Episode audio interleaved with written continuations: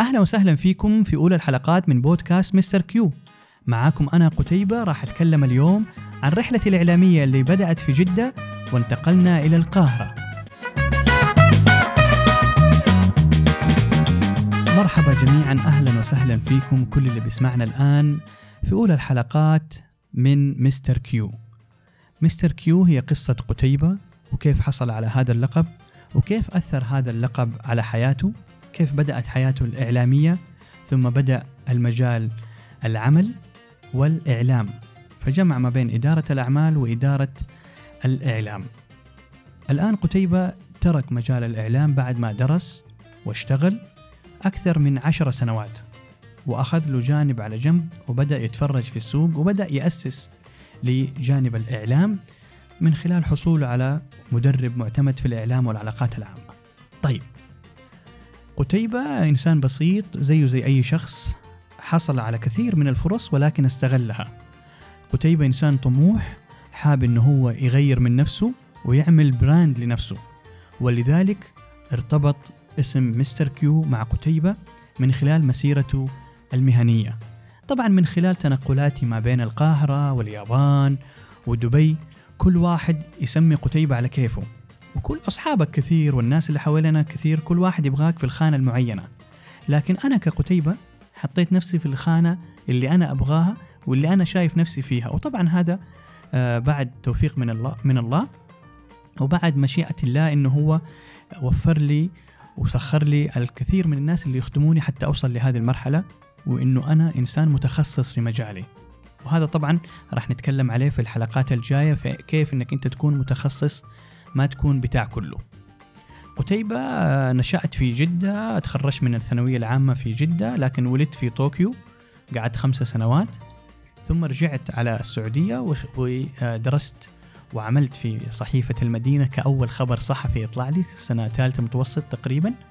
وتخرجت من الثانوية وعلى طول رحت في 2003 2004 تقريبا على آه، القاهرة ودخلت بكالوريوس إعلام. طبعا أكيد في تقلبات أنا ما بقول لك أنا إنسان ناجح ومتفوق والمراكز الأولى لكن كنت ناجح في الحياة العملية أكثر من الحياة الجامعية إن صح التعبير. طبعا القاهرة أو مصر تعلمك ومدرسة كبيرة وهذه واحدة من المدارس اللي أثرت فيا كثير في إنه هي أنا أخذت بكالوريوس حياة. شوف كيف لما يقول لك بكالوريوس حياة من فين تأخذه؟ تروح مصر تأخذه. في الزمانات قبل 2011 و2010 قبل الثورة كانت مصر جدا حلوة وما زالت حلوة لكن تغييرات كانت آه، بتأثر إلى وقتنا الحالي.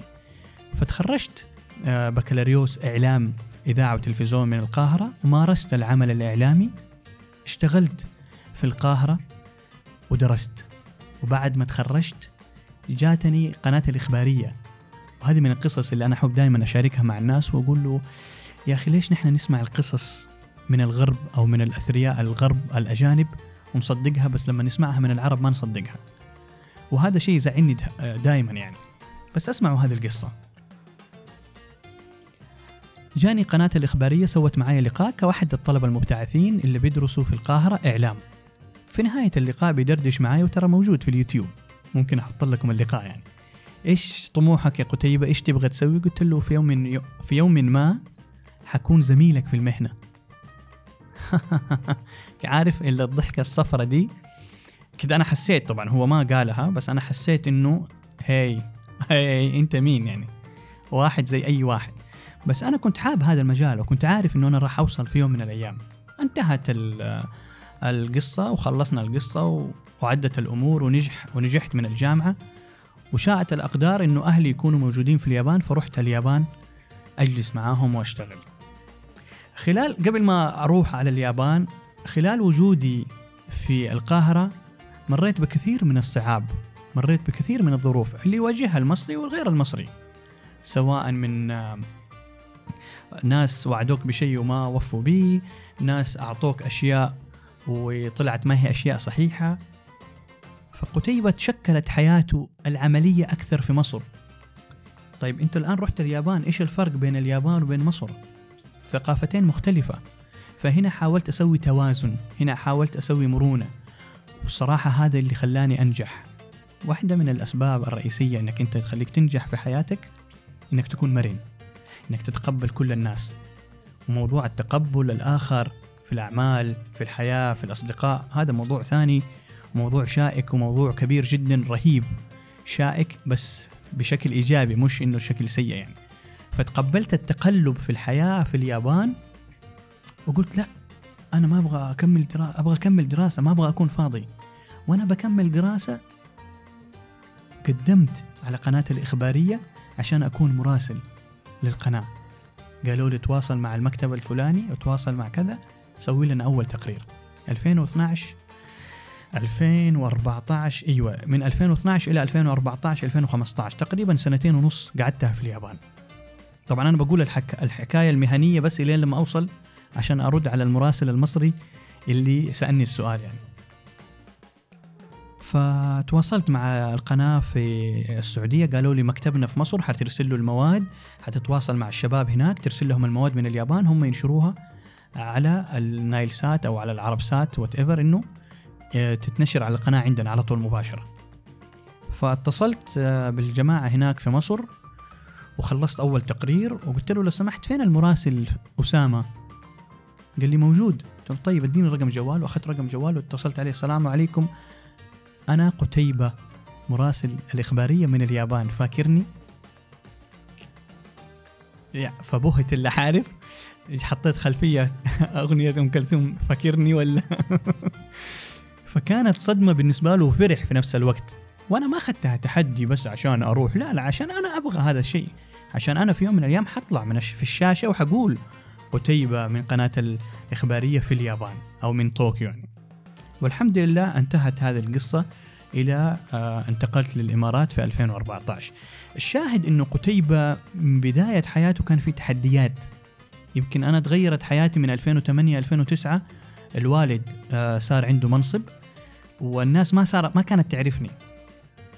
إلا بعد ما طلع الوالد في المنصب لأنه أنت ولد فلان أنت ولد فلان. وأنا كنت دائما أحاول أتهرب من هذه المسؤولية عشان لا يقولوا هذا ولد بابا ولا هذا أخذها عشان جدارة بابا. واتضح إنه إنه أنا نوعا ما مخطئ. طالما أنت بجهدك وبجدارتك يا أخي خذها يا أخي. وهذه رسالة لكل الناس اللي بيسمعوني يعني. لما تجيك فرصة وأبوك في المكان الفلاني أو أخوك أو أحد قريب لك خذ الفرصة. ولكن أثبت بجدارتك إنتاجك سوي شغل حقيقي. لا تقعد تعلق شماعة إنه والله أنا أبويا فلان ما حد حيكلمني. فأنت تأخذها من الجانب الإيجابي. حتى آه لما كان أحد يسألني أقول أنا اسمي آه قتيبة عبد العزيز. ما أقول لقبي ولا أقول أنا مين ولا عشان لا احد يعرف إنه يعني كانت تصرفات 2014 ما كنت مراهق بس إنه كانت تصرفات كنت أبغى أكون بروفيشنال كنت أبغى أكون عصامي وأعتمد على نفسي يعني. لو رجعنا شوية ورا في آه، المدرسة في جدة ودرست أنا في الرياض ودرست آه، في مدرسة خاصة ودرست في مدرسة حكومية بتلاقي كثير طبعا جيلنا غير مختلف تماما. في التسعينات وأواخر التسعينيات آه الإذاعة المدرسية صقلت مواهب قتيبة بشكل كبير. كيف قتيبة كان يطلع يقول الخبر في الإذاعة المدرسية؟ نص الطابور ينقسم نصين الطابور ينقسم نصين نصه زعلان أوف. مين هذا اللي حيطلع يقول لنا أخبار؟ والنص الجيكس والناس المحترمة والمؤدبة اللي أنا في وجهة نظري طبعا وقتها إنه حيطالع قتيبة ينتظر حيقول خبر. في عندنا بطولة رياضية في عندنا تكريم جائزة. هذه اللحظة اللي أنا كنت أبغاها. فصقلت موهبي أنه قتيبة هو اللي يوصل هذا الخبر للناس من خلال الإذاعة المدرسية والمنصة المدرسية. بدأت مع بدأت معايا آه الصحف صحيفة المدينة صحيفة عكاظ. ما كان عندي أجندة أو توجهات أو هذه الصحيفة اتحادية هذه الصحيفة أهلاوية ما كنت أكتب في الرياضة لأني ما كنت أحبها أو ما كنت أعرف لها. ولا كنت أكتب في السياسة لأني ما كنت أحب أتدخل في أشياء أنا ما أعرفها. كنت أكتب في الأمور الاجتماعية الفنية وأخبار المجتمع. فكنت دائما أنقل هذه الأخبار. أتذكر أول خبر كتبته كان عن معرض فني ورسم gallery art أو حاجة زي كده في المتوسطة وكتبت إنه في رسامين سعوديين ومواهب عندنا في المدرسة وما إلى ذلك يعني. brand Mister Q كيف تسجل وكيف بدأ؟ طبعا لما تكون حياتك عايش في جدة طول عمرك غير لما تكون تتنقل زي من قتيب من دبي لليابان للقاهرة. فكثير أجانب كانوا بيقابلوني اسمه قتيبة كتيبة كتايبة فأقول لهم مستر كيو. فخلاص علم معاهم.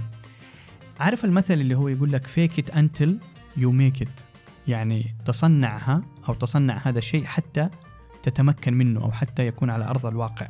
أنا استخدمته كثير في أموري الحياتية والشخصية.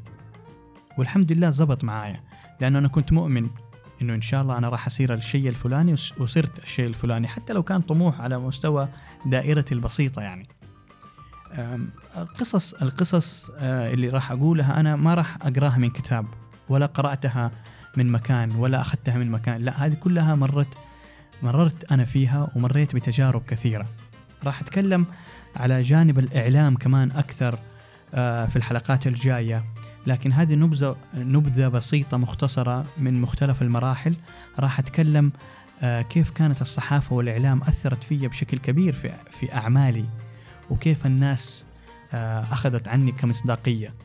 وهذا نادرا في العالم العربي أنك أنت تكون صحفي ويقال عنك أنك أنت كويس. للأسف لأنه سمعتنا نحن كصحفيين وممارسين في الإعلام أنك أنت آه، تنقل إخبار غلط تقول إشاعات و و إلى آخره وهذا كلام مغلوط تماما يعني. إضافة كمان لو لاحظتني أنا قلت كممارس للإعلام لأنه كلمة إعلامي أنا ما أحبها ولا أحبذها ولا أبغاها تنتشر في الجيل الجديد لأنه الإعلامي كلمة كبيرة كلمة شخص مارس الإذاعة الكتابة والتقديم التلفزيوني. وفي إعلاميين أو مذيعين الآن شاركوا معنا في عصرنا الحالي مارسوا هذه الثلاثة مهن ولكن أنا كقتيبة أحب أقول على المذيع مذيع والمراسل مراسل والكاتب كاتب ومقدم البرامج مقدم برامج. حنتكلم أكثر على هذه التفاصيل في الحلقات الجاية. حنقول لكم كيف قتيبة نقل حياته من القاهرة ومن المسلسلات اللي شاركت فيها ككتابة سيناريو ومن الحلقات اللي كنت أقدمها في الراديو المصري كمذيع آه، سعودي هناك. وكيف مارست المجلات السعودية للأندية الطلابية وانتقلت بيها إلى اليابان. حتسمعوه في الحلقة الجاية. أتمنى أنه تعرفتوا بشكل مختصر وبسيط على مستر كيو من خلال هذه الحلقة الأولى. أتمنى أنكم أنتم استمتعتوا. لو عندكم أسئلة لو عندكم مشاركات يا ريت تكتبوها في التعليقات. وكمان لا تنسوا ال share للغير عشان ينتشر الخير. وإن شاء الله نسمع منكم كل التعليقات والكومنتات على هذه الحلقة. يعطيكم العافية. كان معاكم قتيبة من بودكاست Mister Q. نراكم على خير. و thank you